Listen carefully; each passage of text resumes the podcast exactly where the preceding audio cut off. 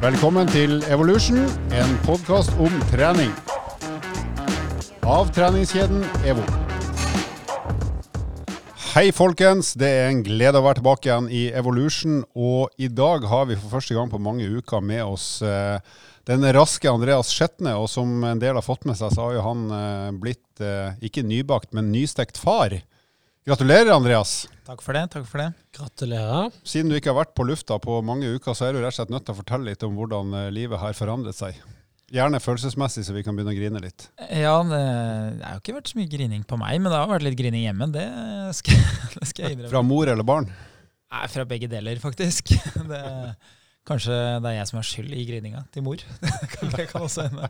Knallhard pappa. Ja, nei, det, ja, det er jo selvfølgelig en, en stor omveltning. Eh, Det har jo medført at jeg eh, har kutta treningsmengden med 50% Altså det er, Jeg trener halvparten så mye, og alt jeg trener er hardt. Fordi du vet aldri når det ikke blir trening. Så det, alle økter er knallharde i frykt for at det kanskje blir en, eh, en pause etterpå. Høres kjent ut. Men eh, hva ble det til slutt? Ble det gutt, jente? Har, har dere valgt navn? Eh, ja, det ble ei jente. Det Ja. ble det som om det er et valg? Ja ja, men det er jo Og har dere valgt navn? Uh, ja, det har vi. Hun heter Henny Josefine. Kult. Josefine med ph eller f? Med F. Det er godt å høre. Stor J. Stor J. På andre måter har det, har det skjedd noe praktisk med søvn og hva skal vi si, døgnsyklus og slikt? Ja, jeg kan jo si det sånn at uh, jeg er jo da fremdeles inne i det samme døgnet som når fødselen var. Så vi har bare hatt sånne cowboystrekker hele veien. bare hatt, hatt noen sånne powernaps uh, de siste 14 dagene. Ja, For å si det sånn, så eh, du ser ganske trøtt ut. Selv om du for så vidt har kledd deg pent, så ser du veldig trøtt ut. Ja, det som, eh, det som jeg har tatt med meg, da, det er jo en sånn eh, ting som man ofte hører uh, om gravide, at når du begynner å amme, så går du ned i vekt. Så de fleste liksom hauser opp det med amming, at liksom, eh, ja, det, da går det ned i vekt. Men nå har jeg jo forstått hvorfor man går ned i vekt. Det er jo fordi at når den ungen kommer, så rekker man jo ikke å spise noen ting. Så veldig ofte så er frokosten det er da ett av to rundstykker, og så er det den halve koppen med kaffe. Så heldigvis er jeg ganske glad i kald kaffe. Men det blir ikke så mye mat. Så jeg skjønner, jo, jeg skjønner jo at man går ned i vekt eh, når man har fått barn. Det er jo fordi man har jo ikke tida til å spise, rett og slett. Det gir jo litt håp for meg som sitter ved sidelinjen nå, siden 33% er av eh, panelet ikke har barn, og se at du faktisk er i form. Så det å skifte bleie, det kan jo være en del av eh, treningsregimet for å komme i enda bedre form. For du leverer jo fortsatt gode tall på, på øktene dine. Ja, eh, Hvis vi tar bleie først, da. Det er jo en overraskelse for meg at man blir glad over hva man finner i bleia. At Man liksom, man har jo ansvaret for et menneske som ikke kan ta ansvar for seg sjøl. Og det at det faktisk ikke bare er tiss i bleia, det tyder jo på at man har spist nok. Du flink nå! Å, så flink, ja! Så jeg har ikke fått så mye applaus for å gå på do sjøl de siste åra, men eh, Men du har jo heller ikke bleie. nei, heldigvis ikke. Men når det gjelder løpinga, så den er jo like bra som før, men det kan jo hende de kiloene jeg har gått ned, gjør at jeg egentlig er dårligere sånn relativt sett. Ja, for jeg er jo spent på hvordan du løper i august. For da har det jo gått en sommer, og da har, en måte, da har det gått så lang tid at det du opparbeida før fødsel, eh, er brukt opp hvis ikke du har klart å opprettholde det. Ja, for det som skjer eh, de Og nå er vi jo inne på det viktigste med det å få barn. Lær meg hvordan du kan opprettholde form. Hilsen. Nei, det er klart at uh, det, det som ofte skjer i starten, er jo når du får to uker ikke sant, med mindre treningsmengde. Hvis den har vært veldig høy på forhånd, så utløser jo det bedre form. Men hvis du lever på lav treningsmengde lenge, så er ikke det akkurat noe oppskrift for å bli i bedre form. Så det blir spennende å se. Eh, Det jeg har merka, det er jo at selv om jeg trener hardt eh, si annenhver gang nå, da, istedenfor hver tredje gang, så blir det ofte én eller to dager ekstra mellom de harde øktene. Og det gjør noe mentalt, for det betyr at det blir litt flere timer imellom hver gang du skal presse deg, som gjør at det blir litt mer ubehagelig. Du har på en måte ikke fått kalibrert den der eh, følelsen av hva som er hardt. Og det gjør jo at eh, nesten hver treningsøkt nå som er hard, den blir veldig sånn tøff mental. Mens når eh, man trener nesten hver dag, så, så er du på en måte innstilt på at ok, men det her blir sånn som det var for, for 48 timer siden. Du gruer deg litt mer til hardøkta nå enn for en måned siden. Ja, og så tar det Jeg kommer ikke inn i det. Det der er dritt hele veien igjennom. Mens de gangene hvor man er i skikkelig Det er sånn Lars har det. ja, ja, ikke sant? Kommer aldri inn i det. Best å la være. Nei, men det er, litt, eh, det er litt det samme som å variere mye. da. Det, er veldig, altså det å variere mye treningsform ofte er bra for å holde seg i veldig god form i mye forskjellig. Men det gjør også at man veldig sjelden får lov å liksom bli så god at uh, selv hardt blir normalt. Da. For det så jeg jo, sånn som jeg trente til maraton i, i fjor høst òg, så etter hvert så kunne jeg jo løpe langturer på en fart som jeg tidligere aldri hadde vært i stand til, og føle at det var greit. Men det får du ikke hvis du varierer eller hvis du trener lite. Da. Jeg må bare stille et par oppfølgingsspørsmål i farsrollen som uh, basert på egen erfaring. Uh, har din uh, samboer og nå mor, ikke mora di, da, men mor til barnet, har hun fått noen sånne rare cravings? Altså et eller annet hun liker å spise noe som hun ikke syntes var godt før? Fra eget liv så kan jeg nevne at samboeren min har begynt å spise kritt. Eller fikk lyst til å spise kritt, hun fikk lyst til å spise betong og isbiter. For den der konsistensen var visstnok lukrativ. Ja, det, De tingene som på en måte utmerka seg gjennom svangerskapet, da, det var jo eh, is, selvfølgelig. Og da både isbiter og vanlig is. Så på et tidspunkt der så hadde jeg sånn seks-sju isbokser i kjøleskapet. så kunne jo det var ikke tressis, sånn som det er i bryllup i Trondheim, men det var liksom, det kunne være fem og seks forskjellige. var flytende? Ja, ikke sant. Fryseren var viktigere enn kjøleskapet. Uh, nei, så var det jo Plutselig begynte jo Hun har vært flink til å spise frukt og grønnsaker, men plutselig ble det sånn jordbær hver dag. Jordbær med fløte. Uh, så ja, bortsett fra det. Hun har jo hatt noen rare vaner fra tidligere, for hun liker jo hockeypulver. Å oh ja, det er jo godt, da. Ja, det er Men sjelden. Det er jo bare salt. Ja, ja, ja selvfølgelig. det er piffekrydder med noe ekstra i.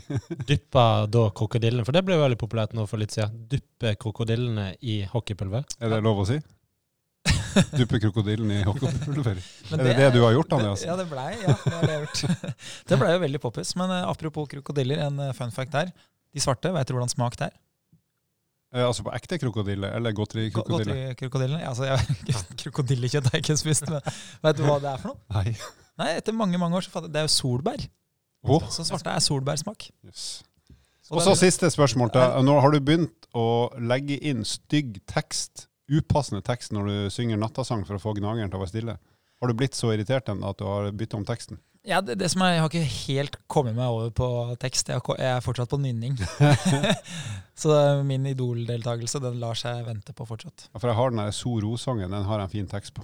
Som begynner med So Ro lille dritt. Jeg har hele Jeg kan sende den etterpå, hvis du trenger det. Skal jeg ta den siste, da? Hva er den gule krokodilla for noe? Sikkert, sikkert ikke appelsin. Appelsin. Jordbær. Såpass, ja. Ikke sant? Bare for å gjøre det skikkelig vanskelig. Ja. Ja, men Det var en fun, fact. fun fact allerede nå.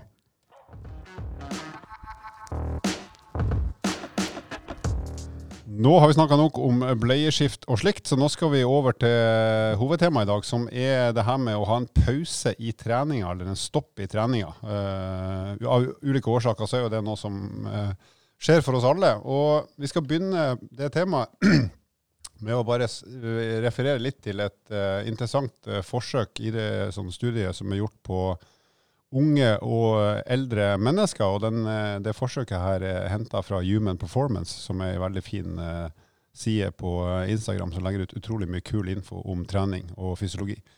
Så det studiet her da, det testa hva skjer med gamle folk, i gåsehudene, som i snitt er ca. 67 år. og yngre folk som da i snitt var 24 år, når de må gå i gips, altså ha beina i gips i to uker, og deretter har fire uker med opptrening etterpå.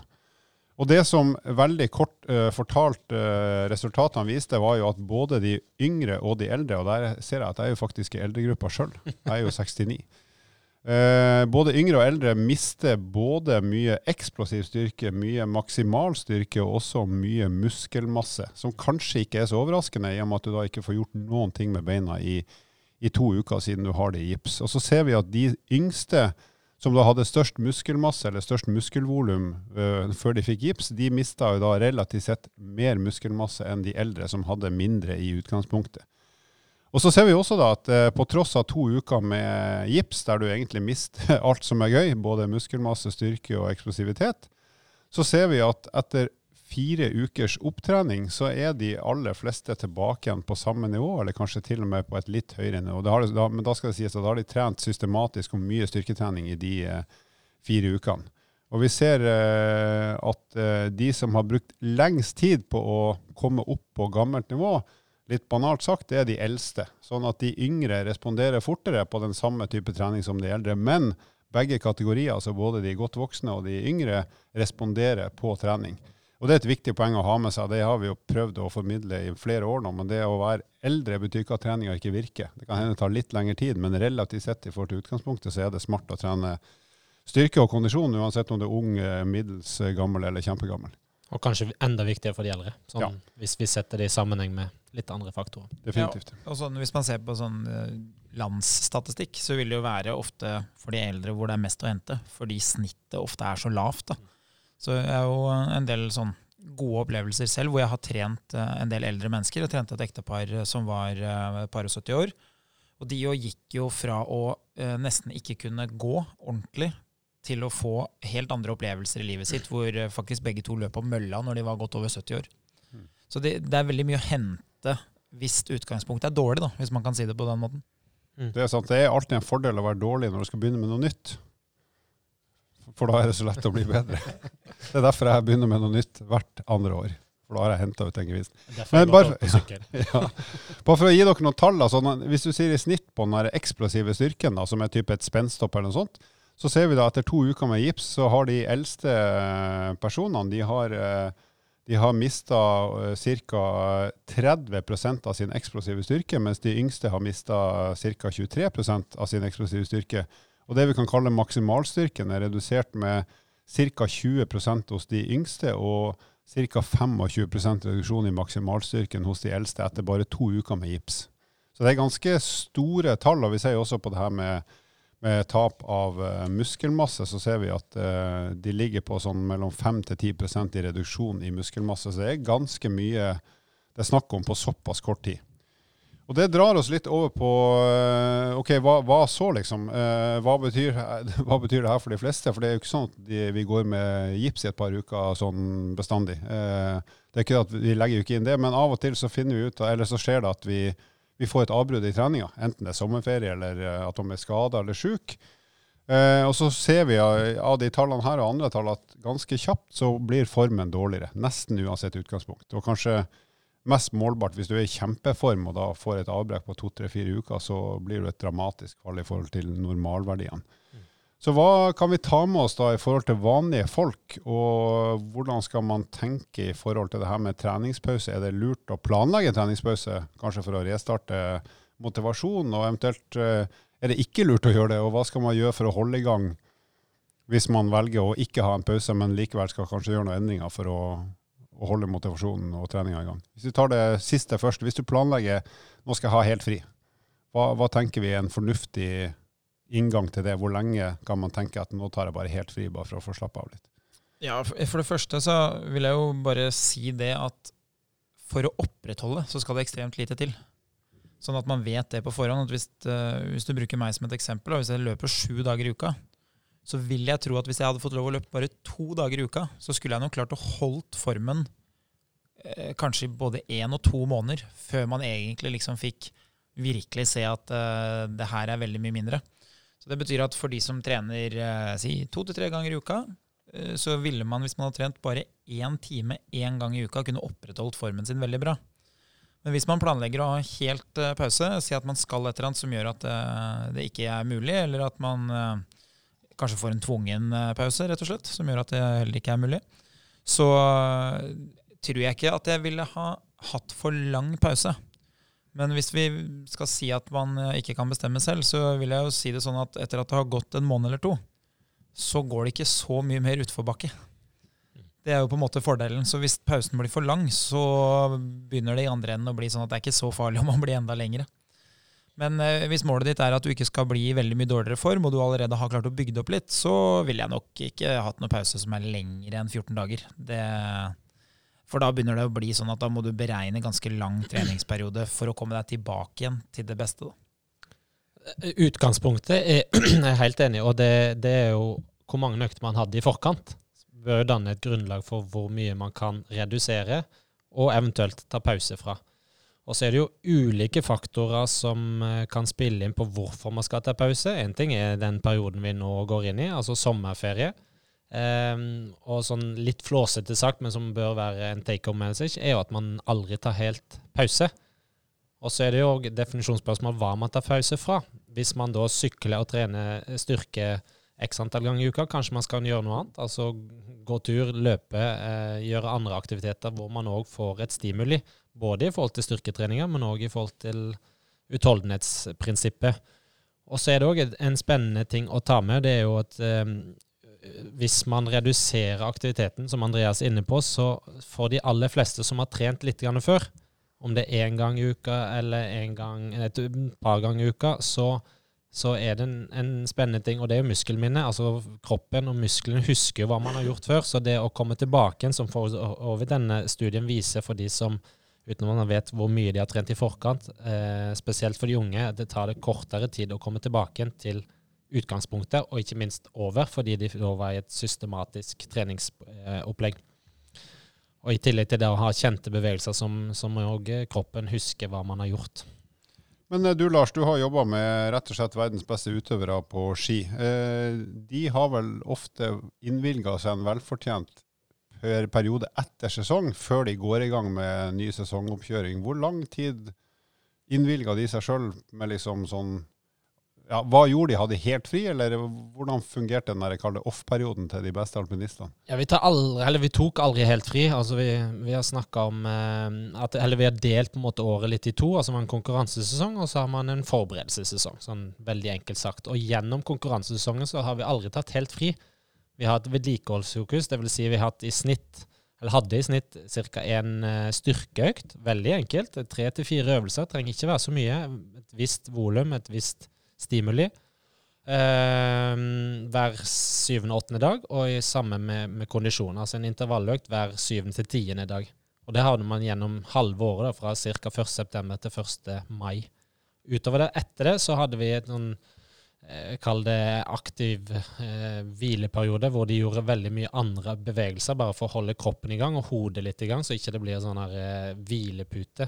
Og det er jo litt eh, Andreas òg prøver å formidle, at man bør aldri ta helt fri, men kanskje gjøre litt andre aktiviteter som er bra for det på hodet og motivasjon. og det å klare å motivere seg for de tøffe øktene som Andreas setter veldig fint ord på, at det kan være mentalt veldig anstrengende, og ikke minst det å glede seg til, eller gå og grue seg til de tøffe øktene. Men det vil man jo forhåpentligvis klare å unngå litt hvis man holder kroppen jevnt i gang hele året. Så et par uker med kall det lystbetont aktivitet i overgangen fra etter sesong til inngangen på barmarkssesongen? Ja, vi hadde ca. fire uker hvor okay. det ikke var noe strengt regime. Det var lagt opp til x antall økter i uka, og så valgte man litt sjøl når man ville gjøre det på døgnet, og hvor, og rett og slett bevegelsesformen på det. Men et visst eh, stimuli måtte man ha, at man hadde litt pust og puls og litt styrke. Og Det har vel litt å si med at når du da skal begynne å trene igjen, så kan du ikke være helt råtten heller. Altså Du må være i form til å kunne begynne å trene ganske bra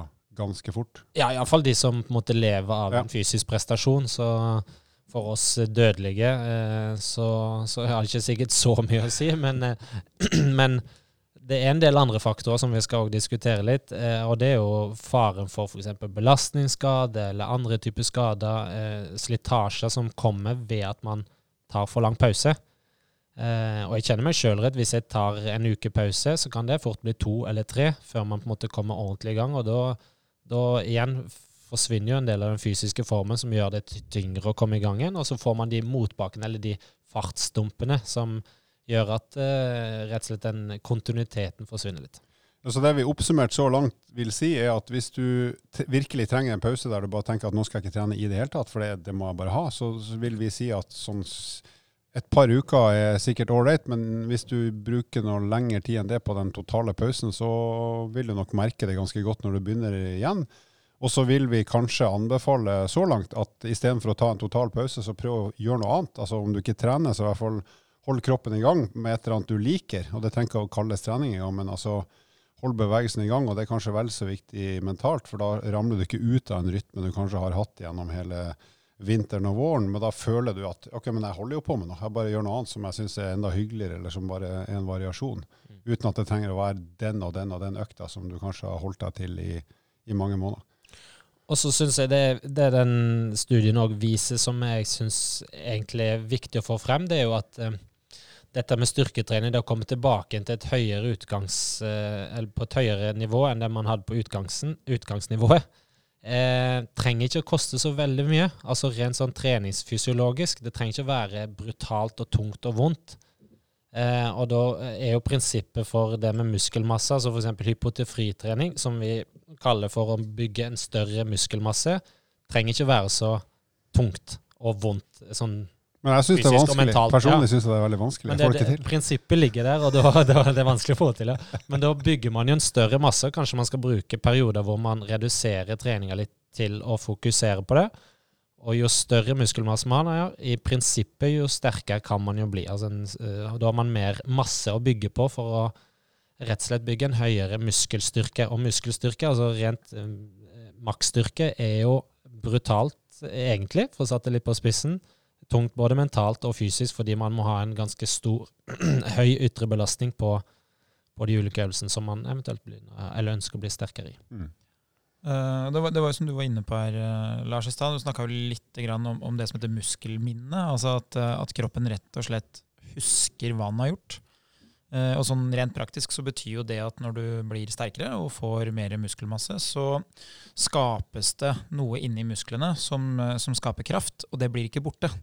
Vi trenger jo ikke å gå veldig inn på eh, akkurat hvordan det foregår anatomisk, for det, det blir litt kjedelig og det er ikke så lett å henge med. Men i utgangspunktet så kan du si det sånn at uh, muskelen din blir bedre til å skape kraft. Uh, og selv om du ikke gjør deg fortjent til å skape den kraften, så vil alltid muligheten ligge der uh, til fremtida.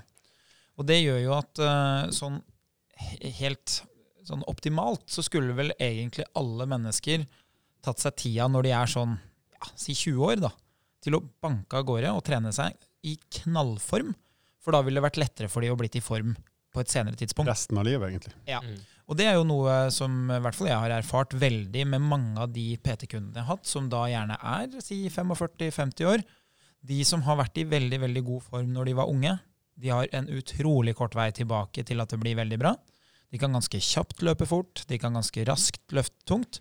Mens de som ikke har trent noen verdens ting s- altså sånn, de, de har jo gjerne vært med i gymtimer og sånn, men ikke noe- rundt. ja, De har ikke noe strukturert forhold til verken styrketrening eller kondisjonstrening.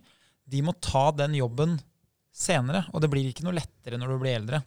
Så mange av de kundene jeg har nå, de trener kanskje ikke mer enn én til to ganger i uka, men i en liten periode så hadde de en drive som gjorde at de kanskje klarte tre ganger i uka. Kanskje noen av de til og med klarte fire ganger i uka. Og det at de tok da den perioden og ble i god form, gjør at de nå får lov å trene mindre, men opprettholde en bedre form. Da. Du er jo snart 20 år sjøl, Andreas. Har du tenkt å legge ned støtet nå sjøl? På styrketrening eh, òg, altså. Nå skal jeg snart legge inn støtet, men eh, på lik linje som de kundene jeg har, så er jo jeg egentlig et eksempel på det samme. Fordi jeg trente jo i en ja, 10-15-årsperiode veldig, veldig mye styrke. Og det gjør jo at med den lavere innsatsen jeg har Det var bare fra du var fem til du var 18. Ja, fra- fra jeg hadde. Men med den lavere innsatsen som jeg har nå, så får jeg jo lov til å prestere på et nivå som er ekstremt mye høyere enn hva jeg egentlig gjør meg fortjent til. Så hvis du nå hadde sagt at ok, Andreas, i dag skal du starte på et ti ukers treningsprogram, og her har du en annen person som ikke har trent noe styrke, og så skal han starte da samtidig med deg, så ville vi sett at etter ti uker så ville jeg sett ut som eh, en verdensmester i styrke sammenligna med den personen som ikke har trent. Fordi at kroppen min vet hva som må til for å bli sånn, og jeg har allerede det lagra i, eh, i musklene mine. Eh, og eh, ja, jeg kjenner meg igjen i den. Jeg har litt sånn ufortjent eh, god kapasitet, og det er jo bygd i barne- og ungdomsåra, spesielt med langrenn, hvor man sykla og løp, og de turene var jo aldri korte. Eh, og det profitterer man på den dag i dag, og jeg, eh, skal jo ærlig innrømme at det, det er ikke alltid jeg fortjener den formen som jeg er i, for å si det sånn. Men eh, poenget var i forhold til de eldre, eh, så vi snakka litt innledningsvis på at de har veldig stor, eh, stort utbytte, spesielt i forhold til styrketreninga. Når du sier de, så mener du vi? Ja, jeg altså ser på deg, ja. ja. Mm. pluss 69. Ja. Du var litt lei deg for at det ikke var 69 og ikke 67. Mhm. Eh, så, så vil de få et stort utbytte av å, å, å gjøre litt. Men om de tar litt pause, den er jeg litt sånn usikker på om har så mye å si. Det vil si holdt, holde kontinuiteten på den. Vi, selvfølgelig, liksom flåsete sagt, de vil jo ha et større utbytte av å aldri ta pause.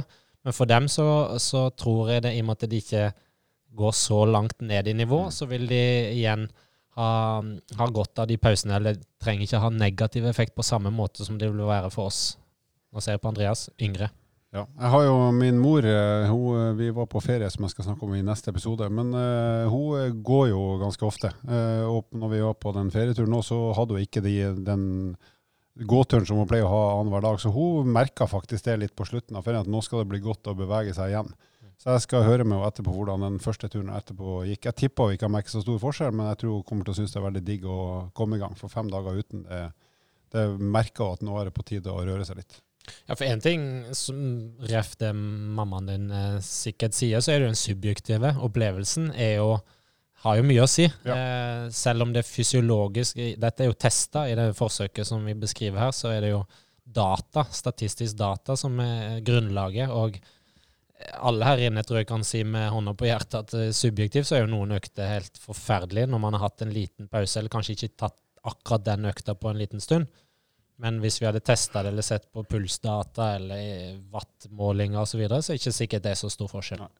Men uh, hva skjer da, uh, uansett da, grunnen til at man tar seg en pause, hva er det som skjer med kroppen vår da, sånn normalt sett? Si at vi tar én til to uker helt off, og så har vi vært i ålreit form, ganske sterk og ganske god kondis.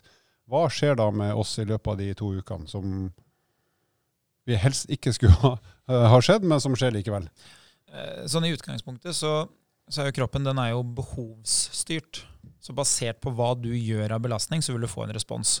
Så hvis du trener styrke, så får du mer muskler. Og hvis du driver med kondisjonstrening, så eh, vil du jo da få bedre utholdenhet. Eh, og når belastninga opphører, så vil du rett og slett få litt lavere kondisjon og litt eh, mindre muskelstyrke. Så det vil jo bli sånn at hvis oppholdet blir langt nok, så vil også formen bli en del dårligere enn det han har vært. Og da skjønner jo de fleste nå, sånn logisk sett, så vil det være sånn at hvis du er i ekstremt god form, så vil du ramle ned mot god form, og så kanskje moderat form.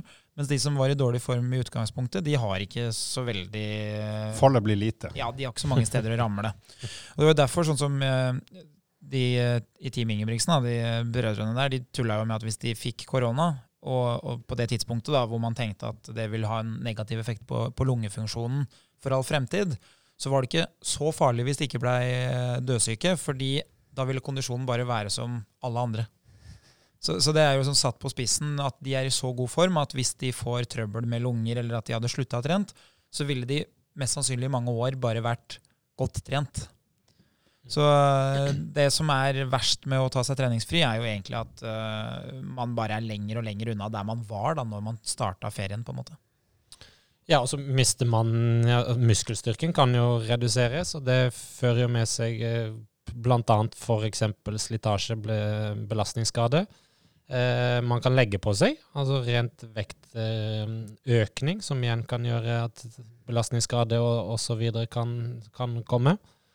Eh, og siste er jo, som, eller en, et poeng, poeng, er jo det vi har snakka om i mange episoder, og det er jo den fysiske Nei, den psykiske, mentale helsa. altså det å utløse endorfinrus, altså hormoner, som, man, som jeg anbefaler at alle opplever gjennom å, å, trene og gjøre aktiviteter.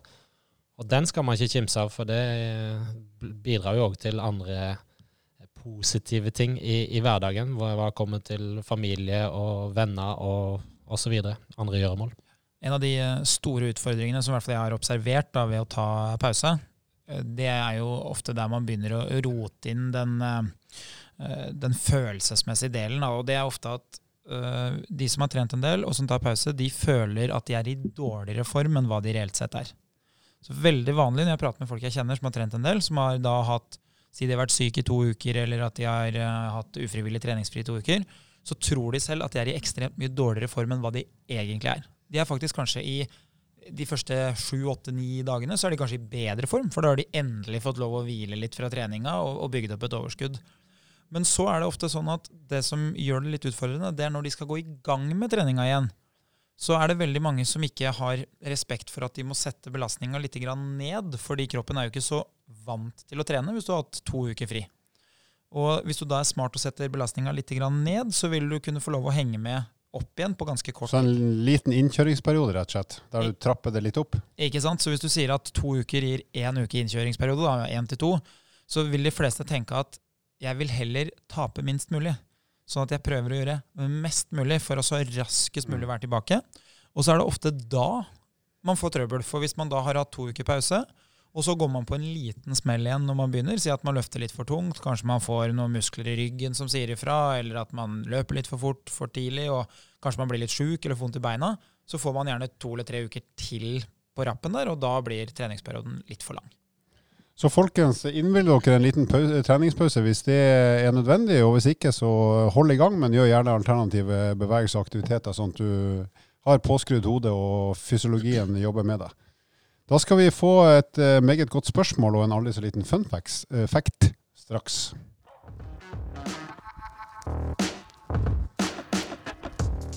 Vi har fått et uh, godt spørsmål fra Irelin Skjaldemose, og hun skriver følgende. Hei, jeg har et spørsmål til dere. I løpet av sommeren så har jeg satt meg som mål å sykle Kristiansand-Oslo.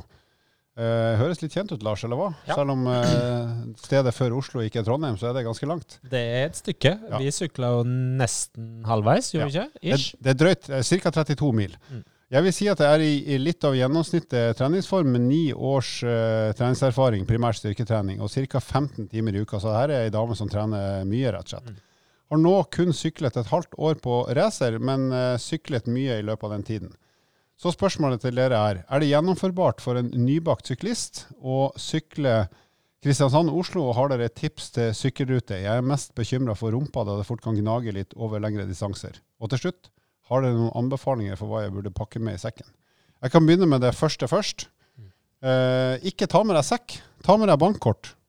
For det er så utrolig mange plasser du kan stoppe og både få god mat og drikke og få noen veldig hyggelige pauser istedenfor at du skal bære med deg det på ryggen. Så det ville jeg, vil jeg sagt som nummer én. Ikke ta med deg den sekken. Du har drikkeflasker på sykkelen, og så så, så, kan du heller unne deg noen gode pauser der du kjøper, kjøper, mat og drikke. For da får du litt, eh, litt hyggeligere pauser.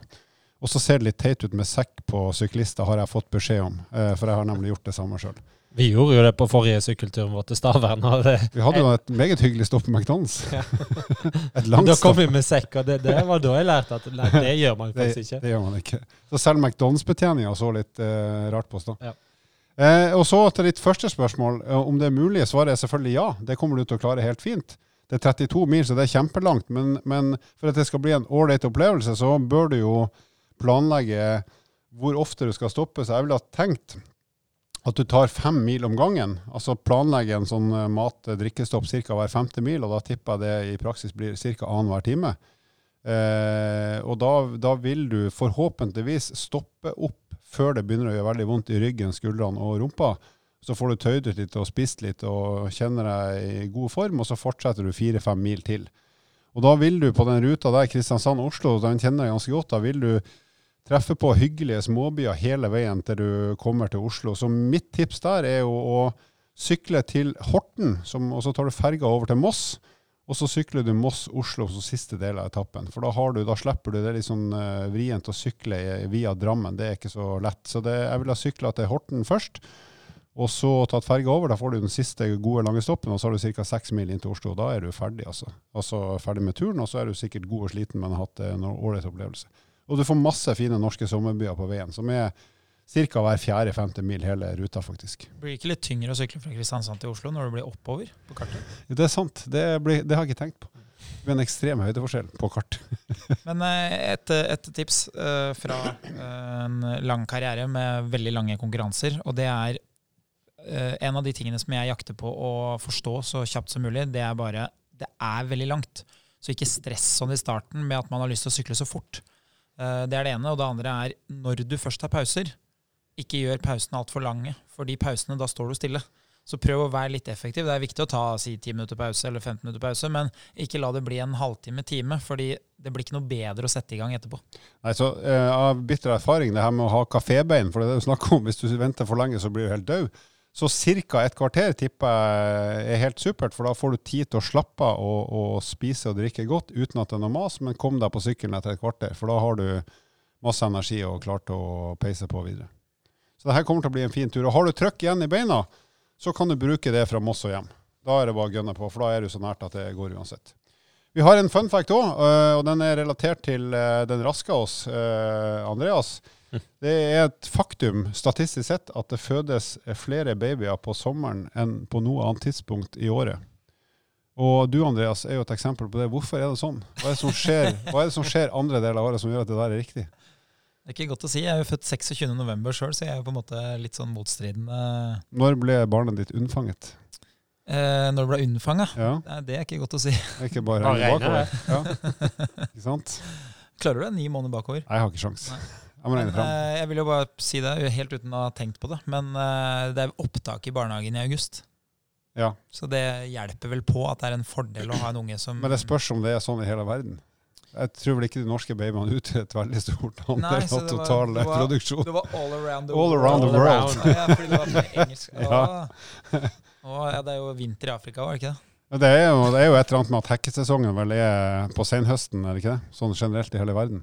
I Australia òg, som var motsatt. Ja. Australia. Australia. Der har jeg faktisk vært. Jeg har aldri hacka der. Put another Tror shrimp on the baby, mate. Jeg tror vi må bare avslutte. Det her blir for dårlig, men takk for oss. Ha det! Ha det. Vil du vite mer om trening, abonner på podkasten og sjekk ut vårt treningsmagasin på evo.no.